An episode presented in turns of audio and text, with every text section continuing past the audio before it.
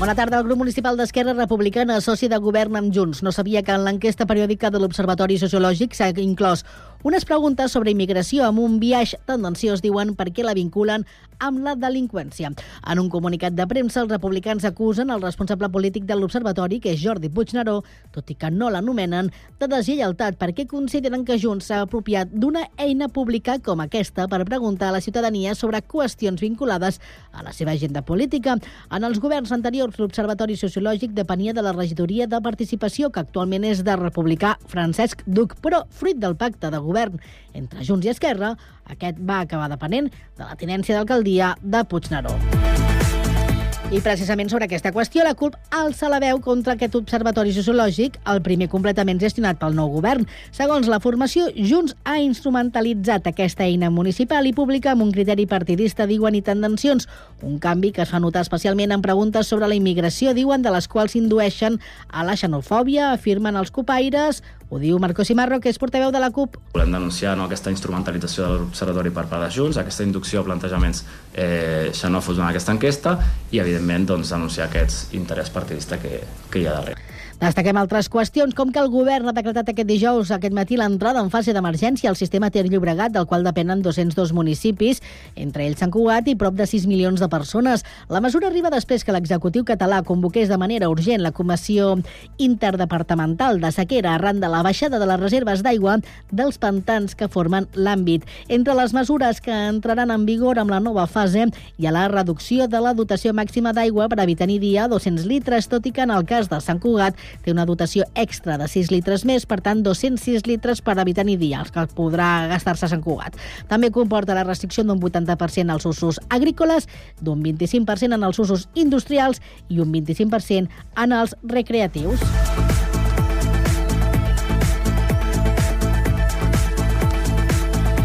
I primer cap de setmana de febrer, on destaquem el partit de fronta, el primer equip femení del rugby Sant Cugat al Camp del Salvador. Serà diumenge a les 12 del migdia, on es juga segura la permanència a la Lliga Iberdrola, que és la màxima categoria estatal, i el bitllet pel play-off pel títol. Les santcuatenques, que són quartes, juguen davant les locals terceres en un match on el Barça estarà pendent perquè també té opcions de classificar-se.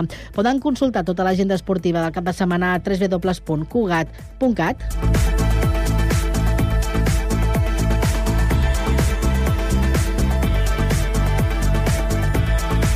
Cugat Mèdia, la informació de referència a Sant Cugat.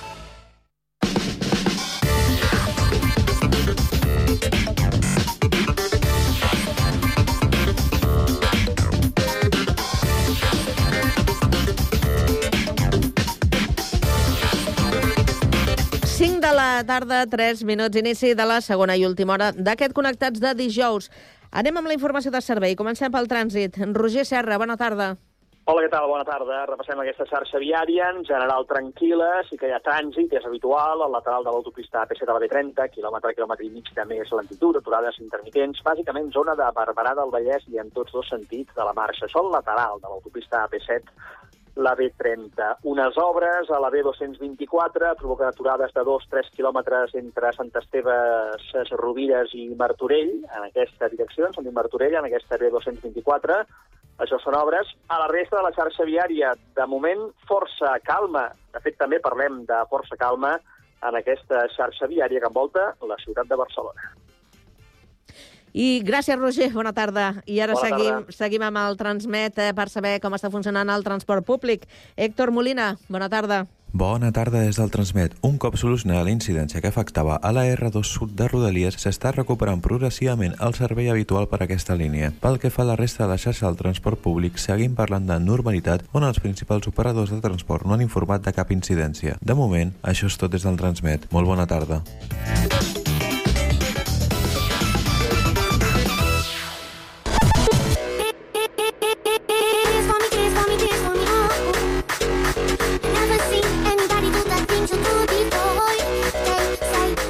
Connectats, una experiència radiofònica a Sabadell, Terrassa, Sant Cugat, El Prat, Castellà i Badalona.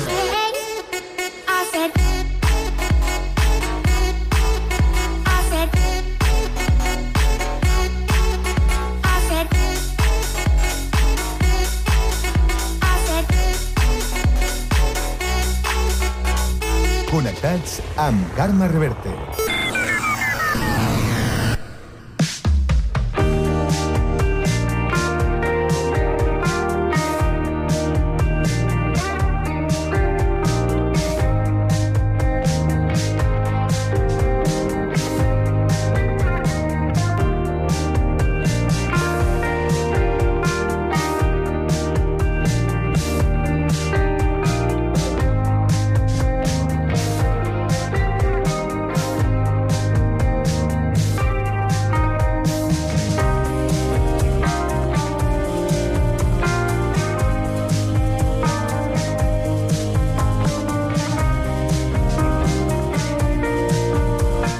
Castellà del Vallès és un dels municipis catalans amb més tradició en Vall de Gitanes, també conegut com a Vall de Plaça. Està documentat a la vila des de mitjans del segle XIX i encara perviu en part gràcies a l'energia de molts joves. Ara en volem eh, saber més i busquem especialment, eh, busquen eh, nois i homes que vulguin apuntar-s'hi. Qui vulgui comprovar com s'ho passen de bé, que assisteixin a la ballada del mes de març. De tot plegat eh, parla el nostre company de Ràdio Castellà, Guillem Plans, amb una de les membres de l'entitat, la Meritxell Garcia Tantinyà. Guillem, molt bona tarda. Bona tarda, Carme. Doncs sí, avui parlem del Vall de Plaça o el Vall de Gitanes de Castellà, que són més d'una cinquantena de membres. Tenim amb nosaltres la Meritxell Garcia Tantinyà. Meritxell, molt bona tarda. Bona tarda. Digue'ns quin càrrec ocupes dins de l'entitat. Jo sóc una balladora rasa, diguem, però sí que és veritat que el meu cas és una mica particular perquè vaig ballar molts anys de petita, ho vaig deixar i l'any passat vaig decidir reincorporar-me i sí que és veritat que en aquests anys hi ha hagut molts canvis, tot i que hem passat de tenir més colles a ser-ne només tres, seguim animats, bueno, engrescats com mai i tenim moltes ganes de seguir fent coses. Et vas posar nostàlgica i vas voler tornar. Sí, sí, sí. És que realment ballar gitanes és una cosa que jo crec que es porta bastant dins perquè més molta gent de la que balla, per exemple la meva germana mai ha deixat de ballar o balladors dels que, dels que hi ha a la colla de relats, que són els grans, porten ballant tota la vida. Al final, qui és ballador de gitanes jo crec que ho acaba sent sempre. És una intuïció que tinc, eh? però per aquesta via hi ha moltíssims castellarencs que em van ballar de petits i que segur que ara els faria gràcia tornar-hi. Per què ho haurien de fer? Per què ho hauríem de fer? Perquè crec que és molt important preservar aquesta part de la cultura que a més és molt ballesana. És a dir, el ball de gitanes que tu veus de les terres, per exemple, per Tarragona, és això que fan ball de cintes i no té res a veure amb el que fem aquí. O sigui, el ball de gitanes del Vallès tenim les nostres pròpies cançons, tenim els punts que només fem aquí i és una cosa molt de la nostra zona i per això crec que és important preservar-ho. Sou gent jove? Som gent, la colla més nombrosa som els de solters, que som uns 20, 20 balladors i balladores, crec, sobretot la majoria són noies, llavors hi ha la colla de petitons, que són els que n'hi ha menys, i la colla de relats, que són també uns quants. En total seríem uns 56 balladors i balladores apro- aproximadament. Mm -hmm. Quins són els balls més destacats que l'entitat soleu representar? Sobretot el que agrada molt és el xotis, que tampoc ens, ens deixem enganyar perquè xotis es relaciona molt amb, amb balls de zones d'Espanya, però el nostre xotis sí que és una peça que fem molt, perquè és molt maca, perquè té uns punts que són potser els més elaborats, però són molt vistosos, i també la fem, bueno, almenys a la nostra colla, ens serveix de, de ball d'escalfament. Sempre quan els assajos els comencem amb un xotis és ja per anar posant-nos una mica en marxa. Mm -hmm. I, i ah, digues. No, no, continua, si plau. Sí, doncs tindríem, a veure, la Majorca també és un ball que, que, bueno, que es fa sempre, la majoria, la majoria de les colles, colles els fan. Uh, la Jota, també la Jota podem pensar en, en balls de, de diferents regions d'Espanya, però nosaltres també el fem. I llavors ja ens n'anem a polques i el pas de Rubí, que sí que és un ball que aquí a Castellà, doncs, bueno, almenys les nostres colles, el gaudim molt. Què implica formar part del Ball de Gitanes? Perquè suposo que, a banda de la ballada que fixeu en el calendari, hi ha cert compromís. Hi ha compromís, evidentment, perquè és assajar cada 15 dies i, si, i quan s'està acostant la ballada, com ara, és um, assajar cada setmana. També s'entén que al ser la majoria doncs, més adultes tenim els horaris una mica complicats i sí que assajar un dilluns a les 9 del vespre, doncs pots dir, ostres, és una mica fotut, però realment quan t'agrada i quan gaudeixes del Ball de Gitanes és una cosa que fas de gust i és una estona que tu passes molt bé. I a mi em va molt bé per començar la setmana, la veritat. Mhm. Mm -hmm. Però és voler preservar una cosa. Mm -hmm. Perquè enteneu que està en perill d'extinció. Bastant. No? Si ho comparem amb fa, jo què sé, posem 10 anys. Clar, hi havia més colles, hi havia també una colla entre petits i solters que eren doncs, adolescents i més joves, um, però sí, sí, està una mica en perill d'extinció. Per sort, totes les colles del Vallès, doncs, Ripollet, Manat, estan tots molt engrescats, tant com nosaltres, i fem una trobada anual, que és la Picada, que és la manera en què tres pobles del Vallès doncs, això, ens trobem i fem balls i és una mica de concurs i tal. És molt divertit. Mm. Històricament entenc que el Ball de Plaça tenia un paper molt important, especialment socialment, dins de la vida comunitària. Ara, aquest component social suposo que es manté. Sí, es manté bastant perquè no deixa de ser això, una activitat que, que ens ajuda com a connectar-nos a través d'una cosa que és el ball, que, que sí que el tema del, del ball no, no és només un reducte d'oci, serveix molt per, per entendre'ns i relacionar-nos entre nosaltres. Com s'asseguren aquestes noves generacions? Sobretot és engrescar això, els més petits. Sap una mica de greu perquè la, la colla dels petits és la menys nombrosa, però crec que anar i fer ballades i, i trobar-nos al carrer, a Castellà Vell, uh, bueno, les diferents ballades que fem durant l'any, i que ho vegin els petits, crec que és una de les coses que, que ens servirà més per cridar més gent a ballar. Pensant en altres entitats de cultura popular, els castells, els teniu un punt d'enveja per aquesta facilitat per atraure nous membres? No a castellà, eh, sinó en general, en tota la cultura popular catalana. Sí que és veritat que Castells atrau molt, però perquè és molt espectacular.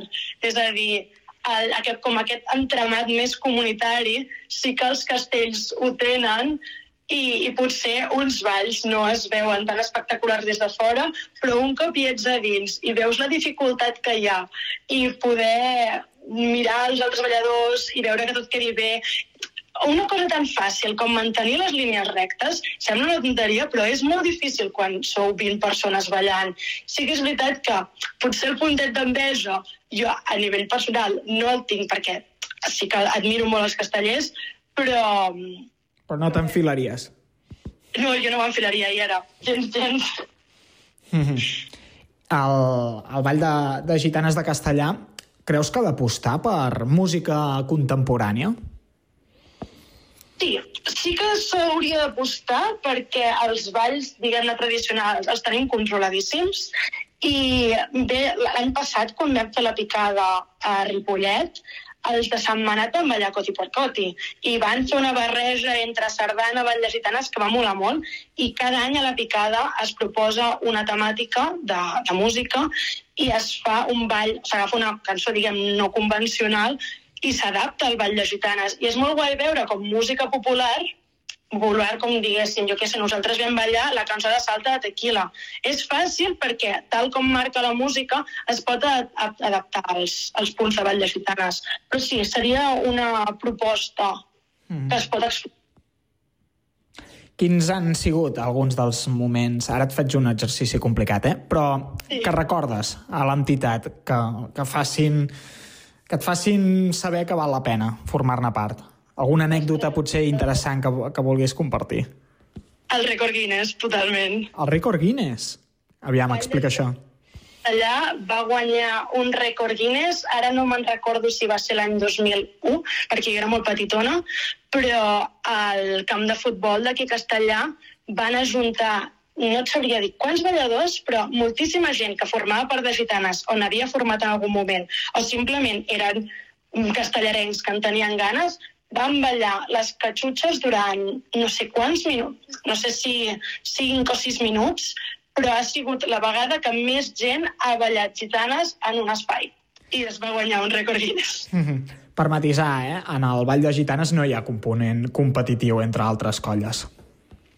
Amb la picada s'intenta buscar una mica aquest punt competitiu, però la veritat és que és una tonteria buscar competició quan són pocs. Més val que al lloc de competició es busqui comunitat. Exacte. Aquells que estiguin interessats en unir-se o aprendre més sobre el Ball de Plaça, què han de fer? Sí.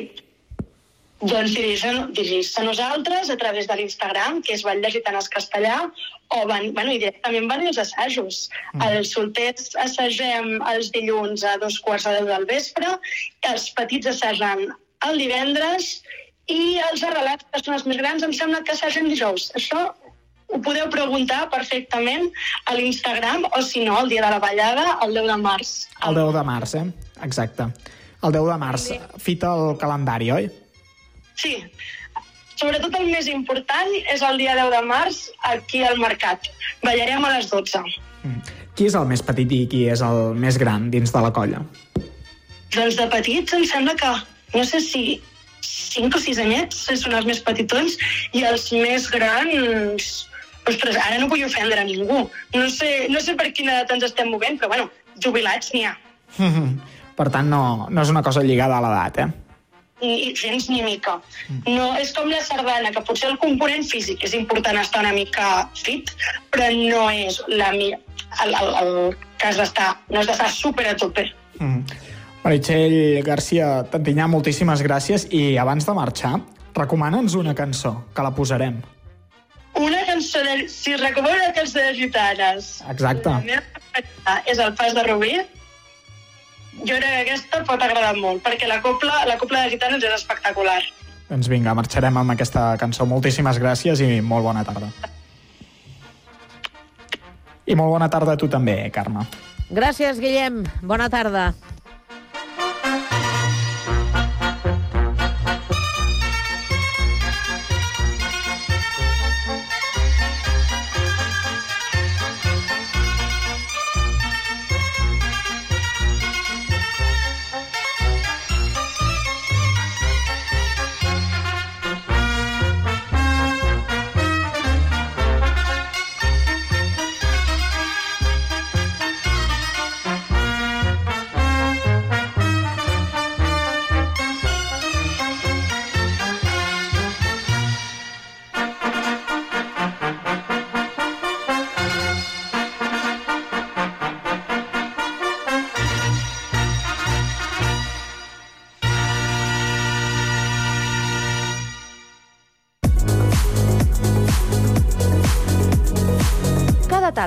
946 Connectats. Una experiència radiofònica a Sabadell, Terrassa, Sant Cugat, Castellà, El Prat i Badalona.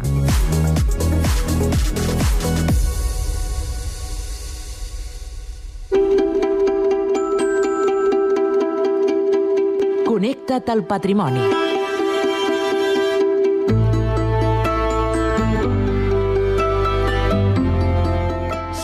Gaudeix d'una experiència que no es troba a cap altre lloc del món. El museu dedicat a la Marilyn Monroe, l'icònica actriu que va captar l'atenció de tots els focus mediàtics als anys 50. Avui a la secció de Patrimoni coneixerem en detall aquesta col·lecció de la mà del seu fundador, Frederic Cabanes. Sami Fernández, bona tarda. Bona tarda, Carme. Ens trobem a Casa Museu Calxerrer, el primer museu dedicat a la Marilyn Monroe d'Europa o com ho descriu la Fundació Cabana, és un espai on es troben l'art, la història i el col·leccionisme. Davant tinc al Federic Cabanes, el president de la Fundació i el director del museu, el cap darrere de la col·lecció de l'actriu. Bona tarda, Federic. Molt bona tarda a tots, hola. Ha destinat al voltant de 40 anys a la recopilació d'objectes, documents i llibres relacionats amb l'actriu. Eh, recorda quina va ser la primera vegada que va veure a la Marilyn? Doncs eh, se'm fa difícil aquesta, aquesta resposta, eh? perquè, perquè, aviam, saps què passa? Que Marilyn Monroe està al nostre imaginari, jo crec, des de que naixem, de ben petits, i anava a dir unes besties això que naixem, no? Però de, de, de, de nanos segur que hem vist alguna fotografia d'ella, hem vist alguna cosa. Eh, jo mm, el que sí puc dir-te és que formava part de, de, de, de tot el, la, les, les, les, les actrius que hi havia en aquell moment, de Hollywood sobretot, que ens arribaven aquí, no? I que era una més, fins que, fins que jo descobreixo un llibre i aquest llibre hi trobo unes fotografies d'ella que em captiven tant que m'agafa la falera de seguir eh, la pista d'aquesta dona eh, durant tots aquests anys que fins ara, oi? I per què la Marilyn Monroe? És a dir, existeixen, com has dit, moltes altres actrius de Hollywood per poder fer una col·lecció, però per què ella? Què és el que et va cautivar? Vale, doncs mira, doncs, eh, jo crec que va ser el meu gust personal, que jo crec que molta gent considera en mi, que és una dona excel·lent i que és única. Eh? Això és el que sento jo, jo n'estic convençudíssim. Hi ha altres actrius, sí, i a millor millor actrius pues, probablement també. Però, cony, és que la, ella tenia moltes coses. Eh, a part de ser bona actriu i bona cantanta i, i tenia moltes altres qualitats, eh, la, la, la, el físic d'ella era extraordinari. Era, jo crec que, vamos, no he vist mai una dona que ratllés tant la perfecció com aquesta. I considera que aquesta és la seva raó per tenir tant èxit? Doncs sí, a vegades jo crec que eh, sí, el més fonamental i el més primari, que és això, la bellesa, el físic, eh, és el, el tret de sortida amb ella i crec que és el final de tot. És a dir, sempre ho dic jo, si ella que va morir en estranyes circumstàncies i s'ha parlat tantes vegades d'ella de- d'això i d'allò i de com va ser i que si va ser una noia molt desafortunada amb la seva infància sí, va tindre una vida realment per fer-ne molts llibres com molts llibres s'han escrit d'ella no? però si no hagués tingut el fonamental i era que entrava en un lloc i tothom se la mirava, però no se la miraven perquè fos ni alta ni, ni tingués algun defecte, oi? Al revés, eh, era algo, hi havia, hi havia una hipnosis general quan ella apareixia amb un grup de gent. Això és una cosa que a mi m'ha fra- m'ha frapat bastant quan ho he llegit en els llibres, perquè evidentment jo ella no tinc la sort d'haver-la conegut, d'haver-la conèixer. Però sabem que, que produïa aquest efecte amb la gent com pot produir també l'efecte aquest amb molta gent, altra gent que, que ara estan vivint, que, que viuen, no? Que entrar en un lloc on hi ha una munió de gent i tothom calla perquè eh, ha entrat aquella persona. Amb ella passava aquest efecte. Era una, una, persona, una dona que, que creava en seguida el, els, el centre de l'atenció. No? O sigui, tenia un carisma especial. Molt, molt especial. Era una dona, tenia, sí, el tenia aquest carisma, el tenia. Sí, eh, ella era molt forta per dintre, però era molt, molt, molt feble per fora. És a dir, l'imatge que donava era una, una, una noia fràgil que necessitava que els altres l'ajudessin. I d'alguna manera, caiem a la trampa aquesta, tots nosaltres. Eh? Però jo crec que, com jo, considera molta gent que que aquesta, aquesta necessitat de protecció eh, que jo li dono, eh, molts de nosaltres li donem. És a dir, quan parla algú malament d'ella, que diuen qualsevol bestiesa, ens fem com si ens ho diguessin a nosaltres mateixos. No? Per tant, és una dona que... Bé, que, que aquí està, aquí està aquí a Sant Cugat i la disfrutem aquí dia a dia i, i content de, de fer aquesta feina i, i aquesta tasca de, de, de poder parlar de la Marilyn. Eh, ens hem estat referint a ella com a actriu, però ella va començar sent actriu? Bé, sí, sí, ella de petita petita tenia la vocació ja. Eh?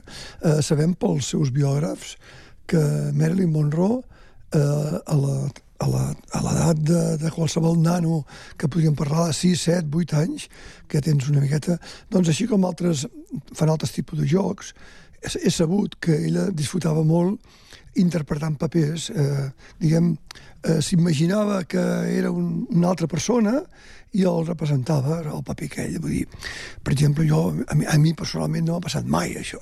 Jo entenc que tots aquests que han estudiat teatre i venen del món del cinema els deu passar alguna semblant. Doncs a ella li passava, li passava. Jo sempre dic que Marilyn Monroe no va ser actriu per ser famosa. Marilyn Monroe va ser actriu perquè tenia la vocació de ser actriu.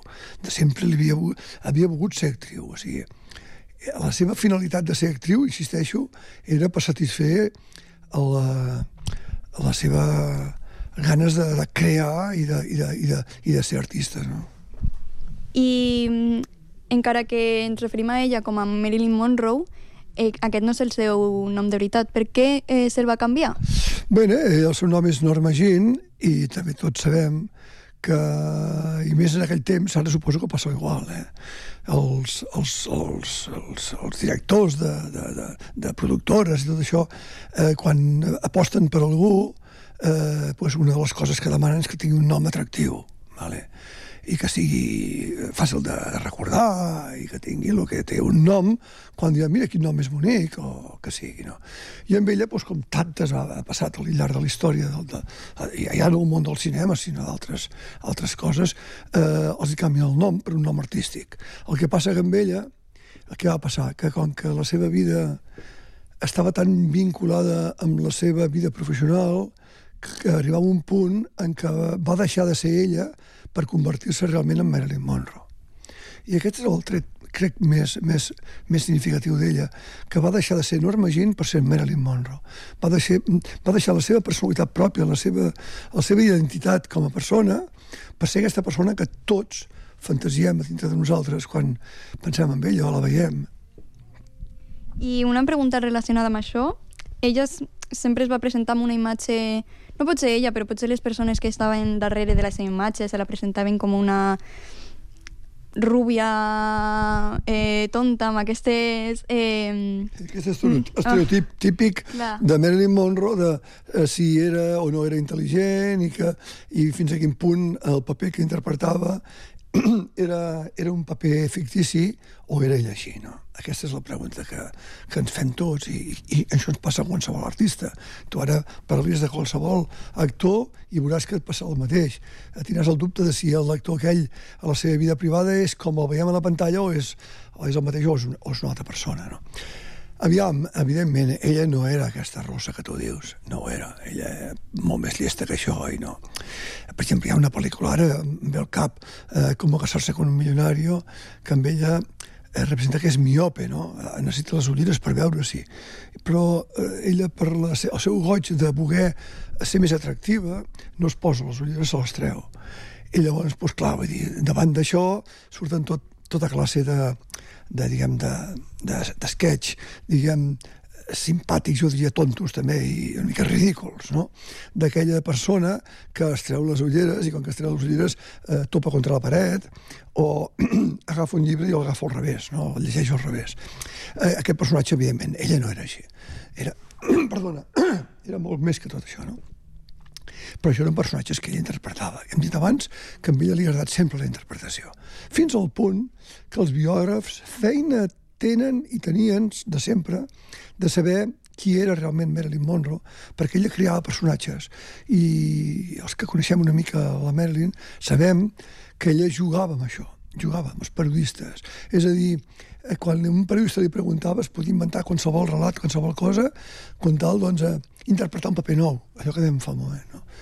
Era molt fantasiosa i, i bueno, que, que, en mare en diríem una mica me- mentirijilla, no? O sigui, eh, li agradava l'engany, no? Eh, eh, ju- jugar amb que la gent eh, no sapiguessin qui era realment darrere d'ella, no? eh, ella era una dona que despertava molta passió. En quin moment creus que passa de ser aquest, aquesta actriu que tothom pensa li donen etiquetes cap a ella, en quin moment passa de ser aquest tipus d'actriu a una icona com la coneixem actualment? Sí, una pregunta també molt recurrent, i és veritat, hi ha un canvi important. Jo crec que, que si ara em fas pensar, podríem parlar de dos, dos canvis importants. No? Començament quan... Bueno, o tres, no? La primera és quan deixa de ser una nena i passa a ser una dona, que evidentment té el cos de dona, i ella es dona compte que això té un poder sobre els homes i sobre les dones també, eh? i que aquest poder ella l'utilitza tot al llarg de la seva vida. Per tant, quan ella deixa de ser una nena que, que, bueno, que vesteix vestits de nena, mm, passa una talla de, de, de, de roba, un, marca el pit i, i la, la cintura, etc. No cal que diguem com és ella, perquè crec que tots la, la recordem. Doncs, eh, doncs ella això juga al seu favor i fa un canvi important. Eh? que és aquí on eh, ella explota com a dona.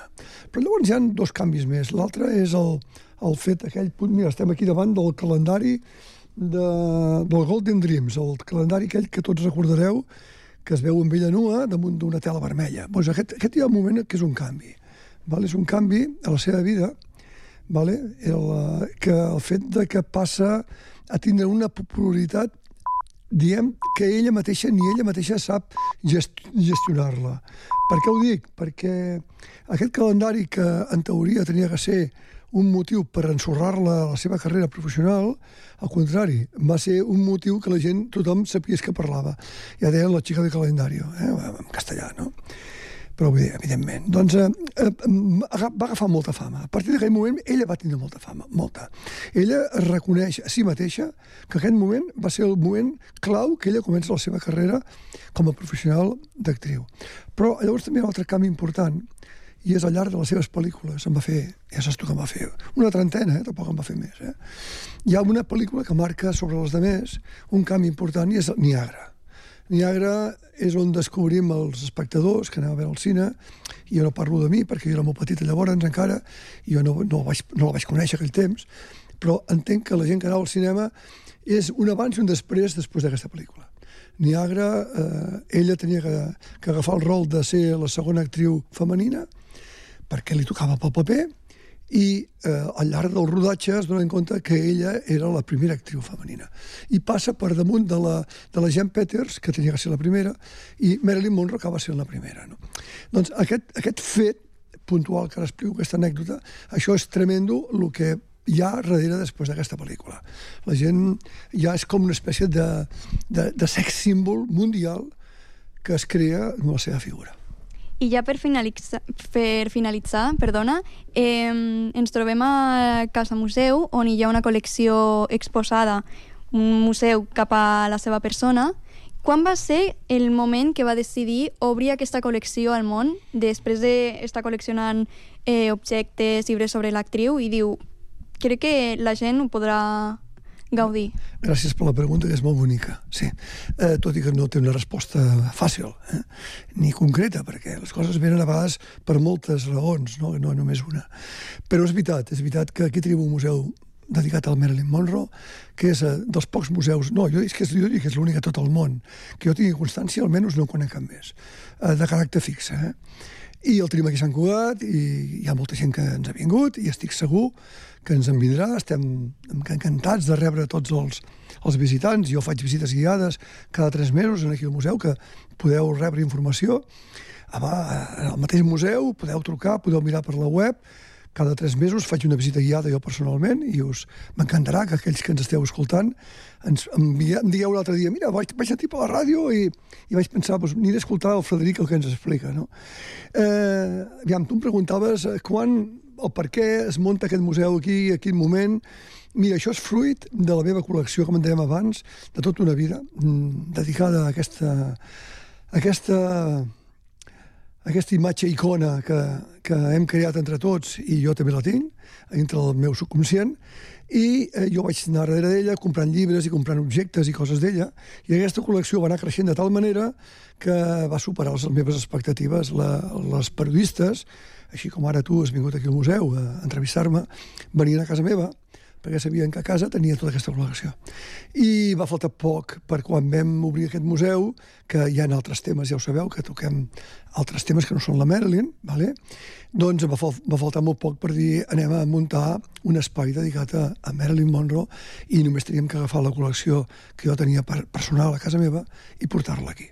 Per tant, podríem dir que això és quan obrim el museu, que si no ho dic malament ara, és el 2016, que inaugurem el museu, i a partir de llavors eh, això cada dia està obert de dimarts a diumenge. Doncs sento que la conversació hagi d'acabar aquí. Espero que tothom segueixi el consell del Frederic i vingui a visitar aquest museu, que està completament ple d'objectes sobre l'actriu i segur que coneixereu molts aspectes d'ella que ningú coneix. I res, moltíssimes gràcies. A vosaltres per l'entrevista, sempre és un benvingut sou i quan em pregunteu per Marilyn Monroe sempre tinc... Eh, eh, vamos, que us obro les portes per lo que em demaneu.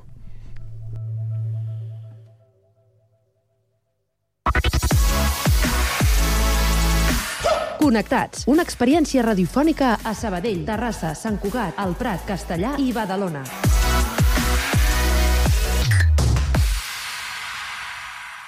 Bona tarda, connectats. Soc l'Àngela Hernández de Badalona i us vull recomanar la cançó Marta Sebas i los demás, perquè és una cançó molt alegre que me'n recorda quan surto de festa amb els meus amics i també quan passo estones amb ells. Marta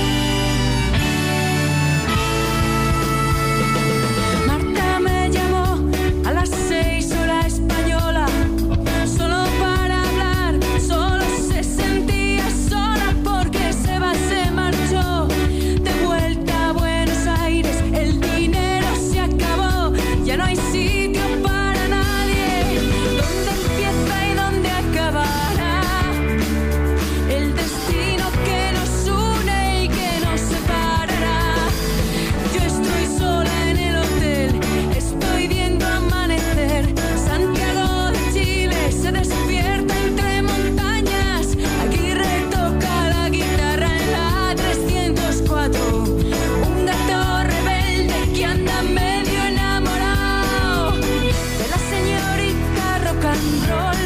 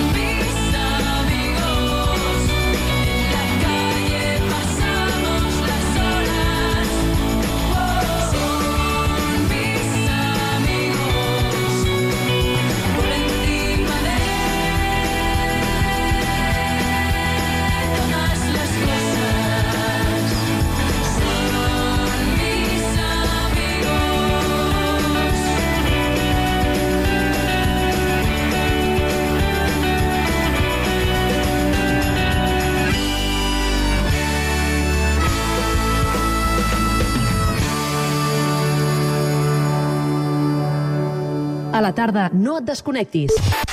A la teva ràdio local, connectats. Can't touch this. You can't touch this.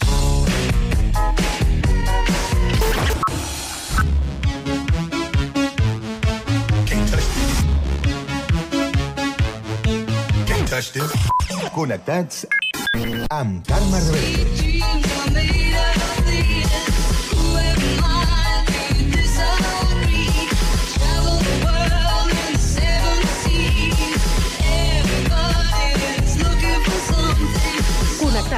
Una experiència radiofònica a Sabadell, Terrassa, Sant Cugat, El Prat, Castellà i Badalona.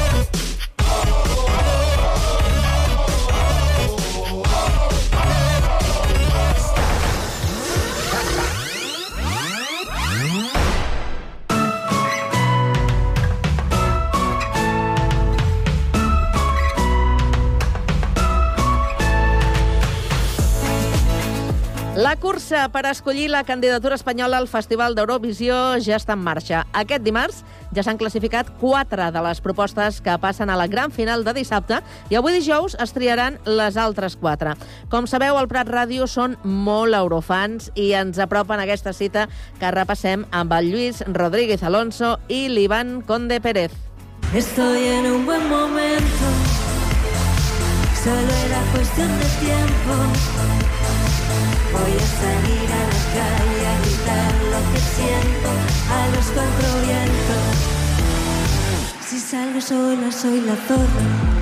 Doncs així és, estem en un molt bon moment, com diu el tema Zorra de Nebulosa i que és una de les quatre propostes que ha aconseguit el seu pas a la final. Va ser l'opció més votada pel jurat, la segona del vot demoscòpic i la tercera del públic, Ivan. Doncs sí, la guanyadora primer, evidentment, en resultat, però una de les triomfadores no? de, de la primera semifinal. Potser era una de les eh, candidatures on hi havia més dubtes pel seu directe, perquè doncs, són un grup que porta molts anys, no? evidentment, doncs, són Mhm. gent experimentada, però potser no tan coneguda. Mai potser han actuat en un escenari així.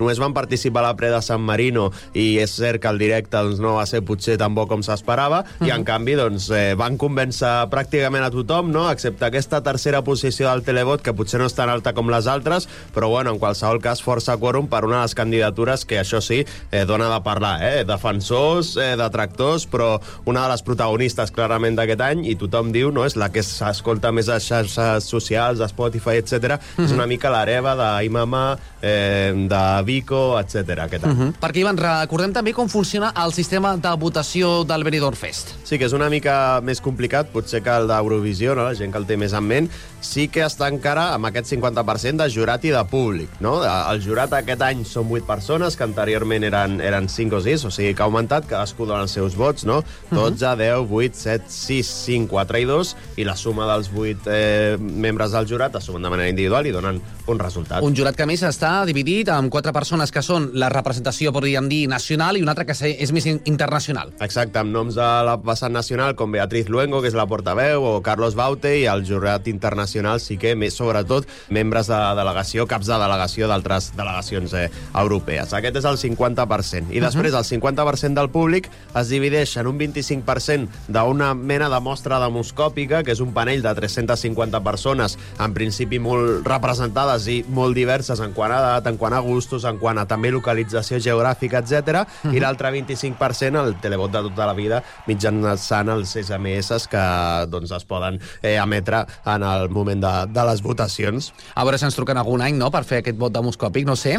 Bueno, en principi és allò, no?, com les meses electorals, diria que no, no sé si és que tu has d'inscriure't no, en aquestes empreses que fan aquests panells, però si no sí que és cert que li, li pot tocar a qualsevol. En clau catalana sempre es parla, no?, que el demoscòpic, precisament, com és, com és una mica del sud, una mica del nord, una mica de l'est, doncs les cançons en llengües cooficials de vegades no surten tan ben parades, no?, perquè doncs, eh, aquesta representació és molt percentual respecte al global de l'Estat. Doncs, et sembla, escoltem a Sofia Coy amb el Here to Stay, que és una de les dues representants, podríem dir, de casa nostra, de Catalunya.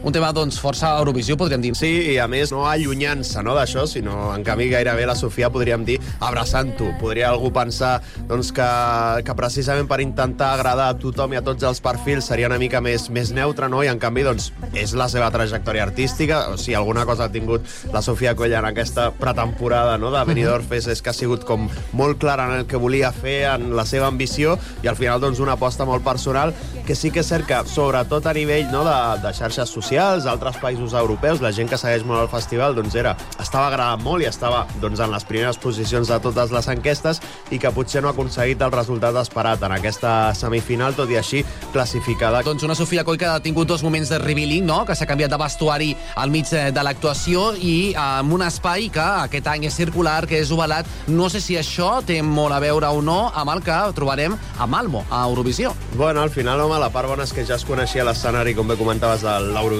gran i, i doncs que això també fins i tot permet a Televisió Espanyola començar a pensar o a treballar en, què haurem de fer el mes de maig, però sí que és cert que al final, dins de les limitacions de l'espai, recordem que es fa el poliesportiu Lilla de, de Benidorm, que s'utilitza normalment doncs, pels equips de handball, de futbol sala, etc que és una, un espai relativament petit, doncs ha quedat una cosa ben resultona que es diu, uh, doncs si, per exemple, a nivell de sol, el so va ser molt dolent en aquesta primera semifinal i la gent es queixa com pot ser si és el mateix recinte que els darrers 3 anys, per exemple, a nivell d'escenari, a nivell posades en escena, es nota que al repetir el mateix eh, espai durant els anys, mica en mica fa doncs, que es puguin anar aprofitant i multiplicant doncs, aquestes opcions també visuals. Quiero saber quién soy,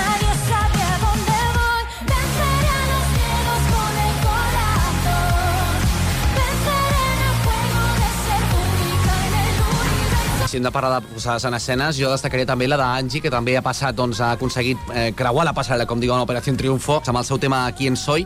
Va quedar primera amb el dimoscòpic i segona pel públic, però tercera pel jurat. Jo no sé si això la pot penalitzar, com hem pogut veure, doncs, amb Tanxugueires el primer any. Sí, a veure, al final jo crec que també doncs, el conèixer els eh, resultats de, de les semifinals fa que, per exemple, doncs, eh, tant Angie com Nebulosa estiguin clarament en la graella no, de, de candidates a, a la final i això farà uh -huh. doncs, que potser hi hagi gent que diu molt bé, Angie està molt bé, però a veure com va el tema, el saber que està allà doncs, també provoca que, que segurament sigui una del, dels focus de, de votació de la final i això també fa el jurat que és conscient i ho van veure jo crec una mica, això ja es parla per parlar, però una Beatriz Luengo una mica tensa a l'hora de donar Sí. sí. els resultats, va haver xiulets a la graderia quan es van donar alguns resultats, uh -huh. que el jurat al final és conscient de que té molt de pes i, evidentment, decidirà què li agrada més, però tampoc voldrà que passi una cosa com la de eh, fa dos anys, no? Eh, d'un eh, Chanel Tanxugueres, no? Un escenari on, on el jurat clarament deixi sense opcions una candidata o una favorita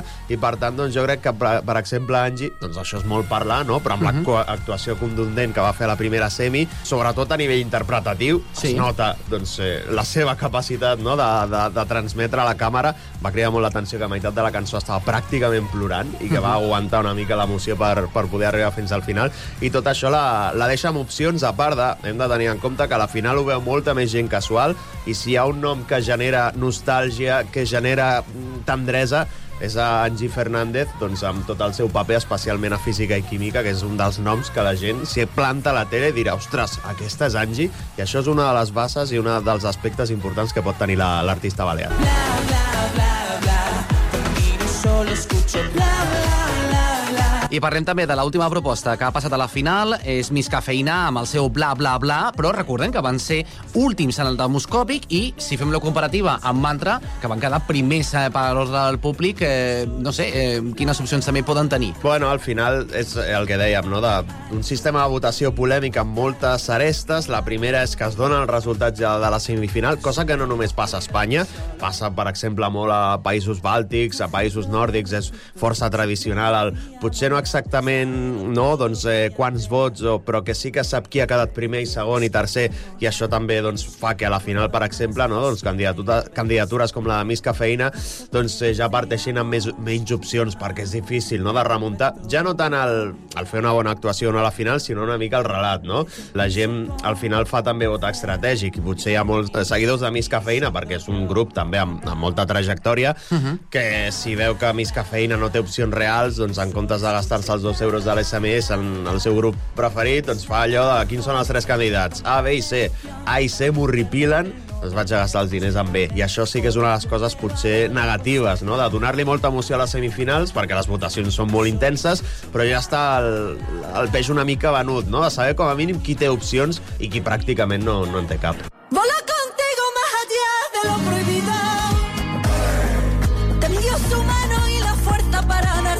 ara de les propostes que tindrem doncs, a la segona semifinal. Fem porra de qui podria passar. Obrirà aquesta uh, segona gala Maria Pelae. Doncs sí, és una semifinal, eh, en principi és la potent, eh, per la gent que no hagi vist Sí, la sí. primera i que doncs, això no va acabar de sortir molt bé, sobretot en l'aspecte tècnic.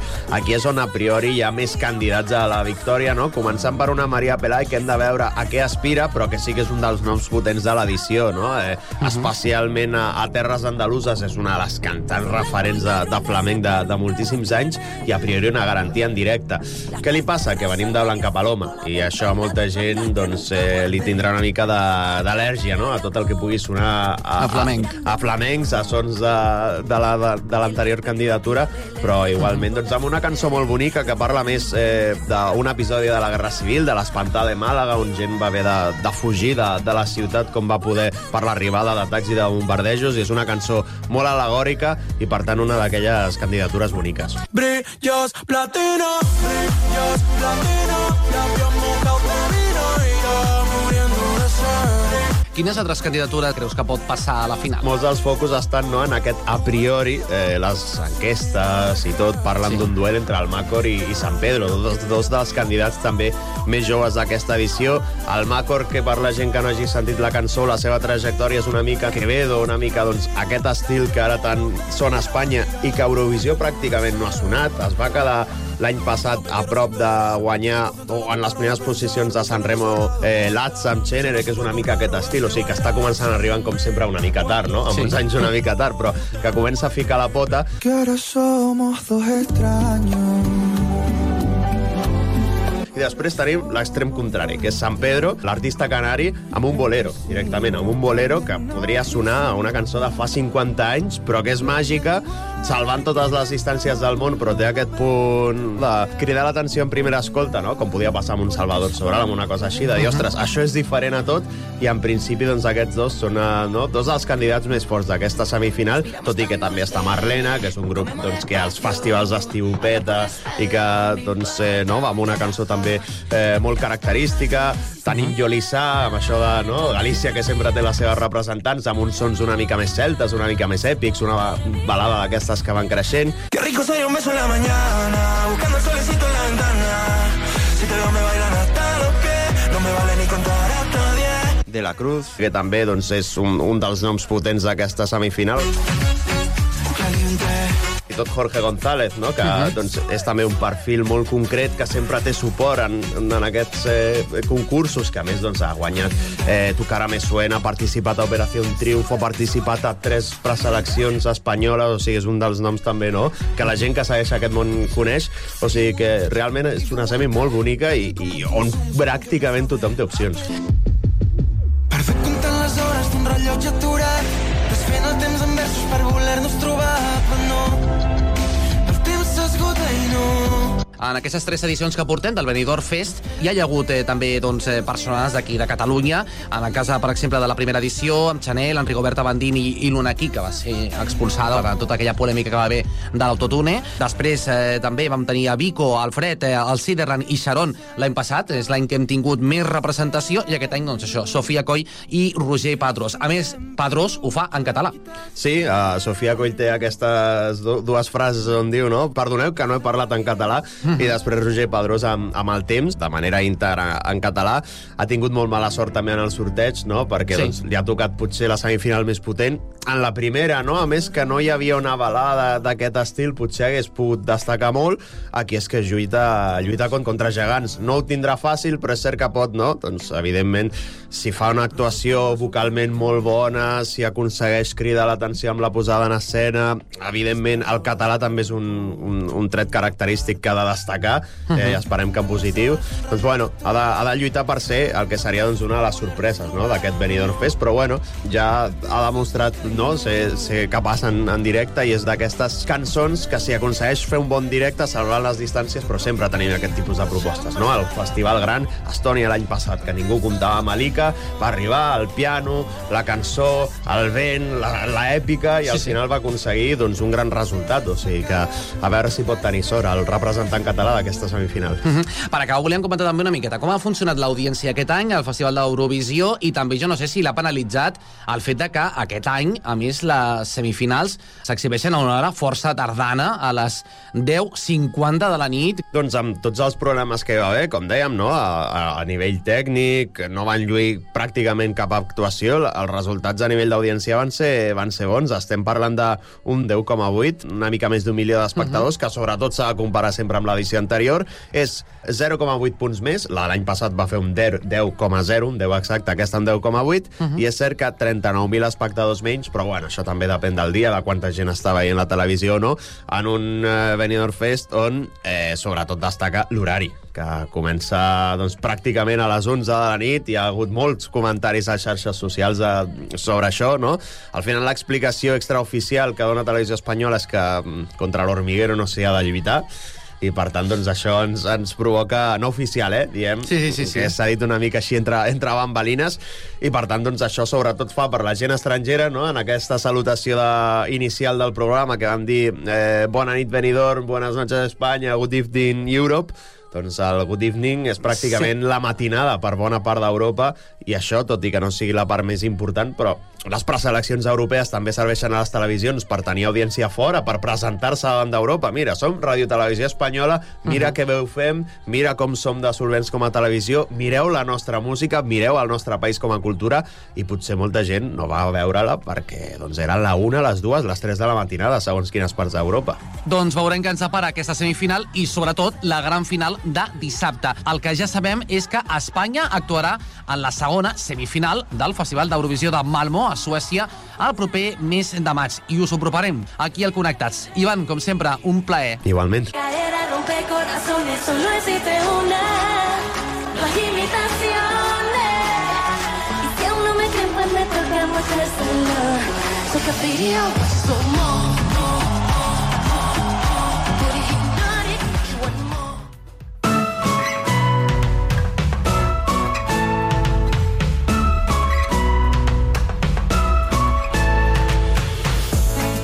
Amb aquesta invitació per seguir aquesta nit la segona semifinal del Benidorm Fest, heu de tenir molta atenció a l'actuació del Roger Pedrós, perquè d'aquí pocs dies ja us anuncio que ens acompanyarà al Connectats. I fins aquí puc llegir. Gràcies a tots per haver-nos acompanyat eh, avui. Demà més tancarem una nova setmana. Serà edició de divendres del Connectats. Fins aleshores, acabeu de passar molt bona tarda. Adéu-siau.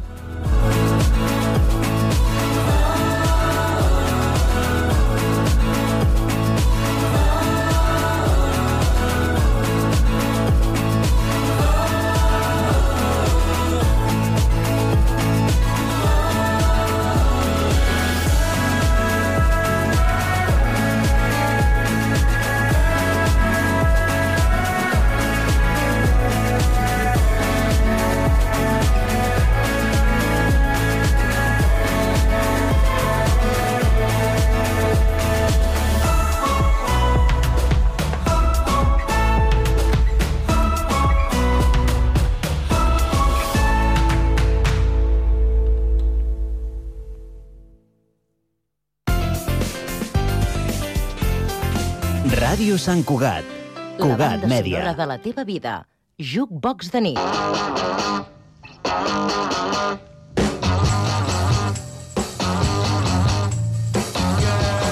You really got me going. You got me so I don't know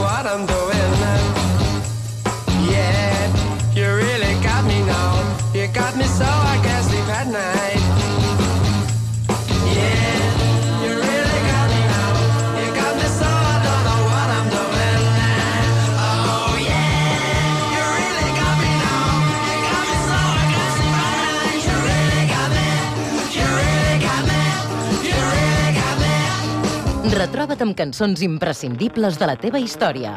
Jukebox de nit.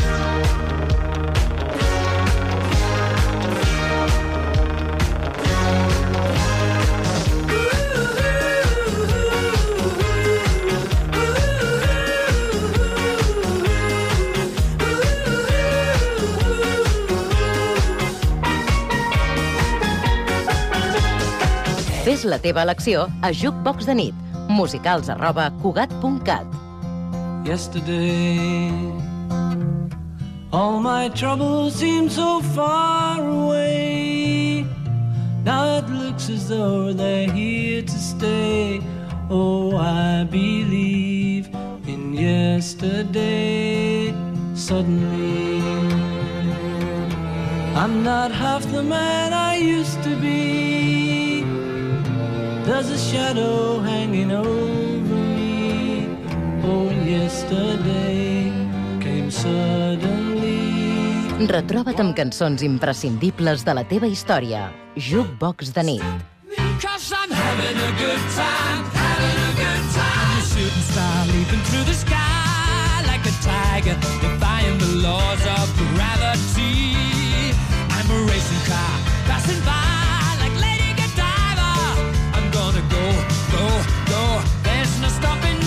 La banda sonora de la teva vida. Jukebox de nit.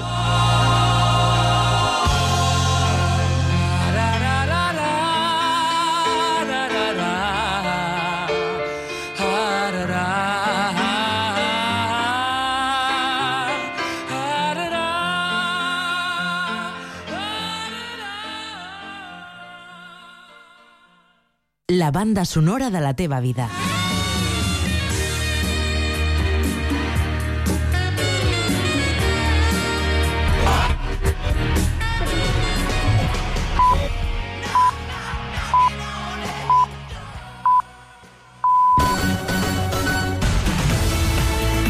Ràdio Sant Cugat. Cugat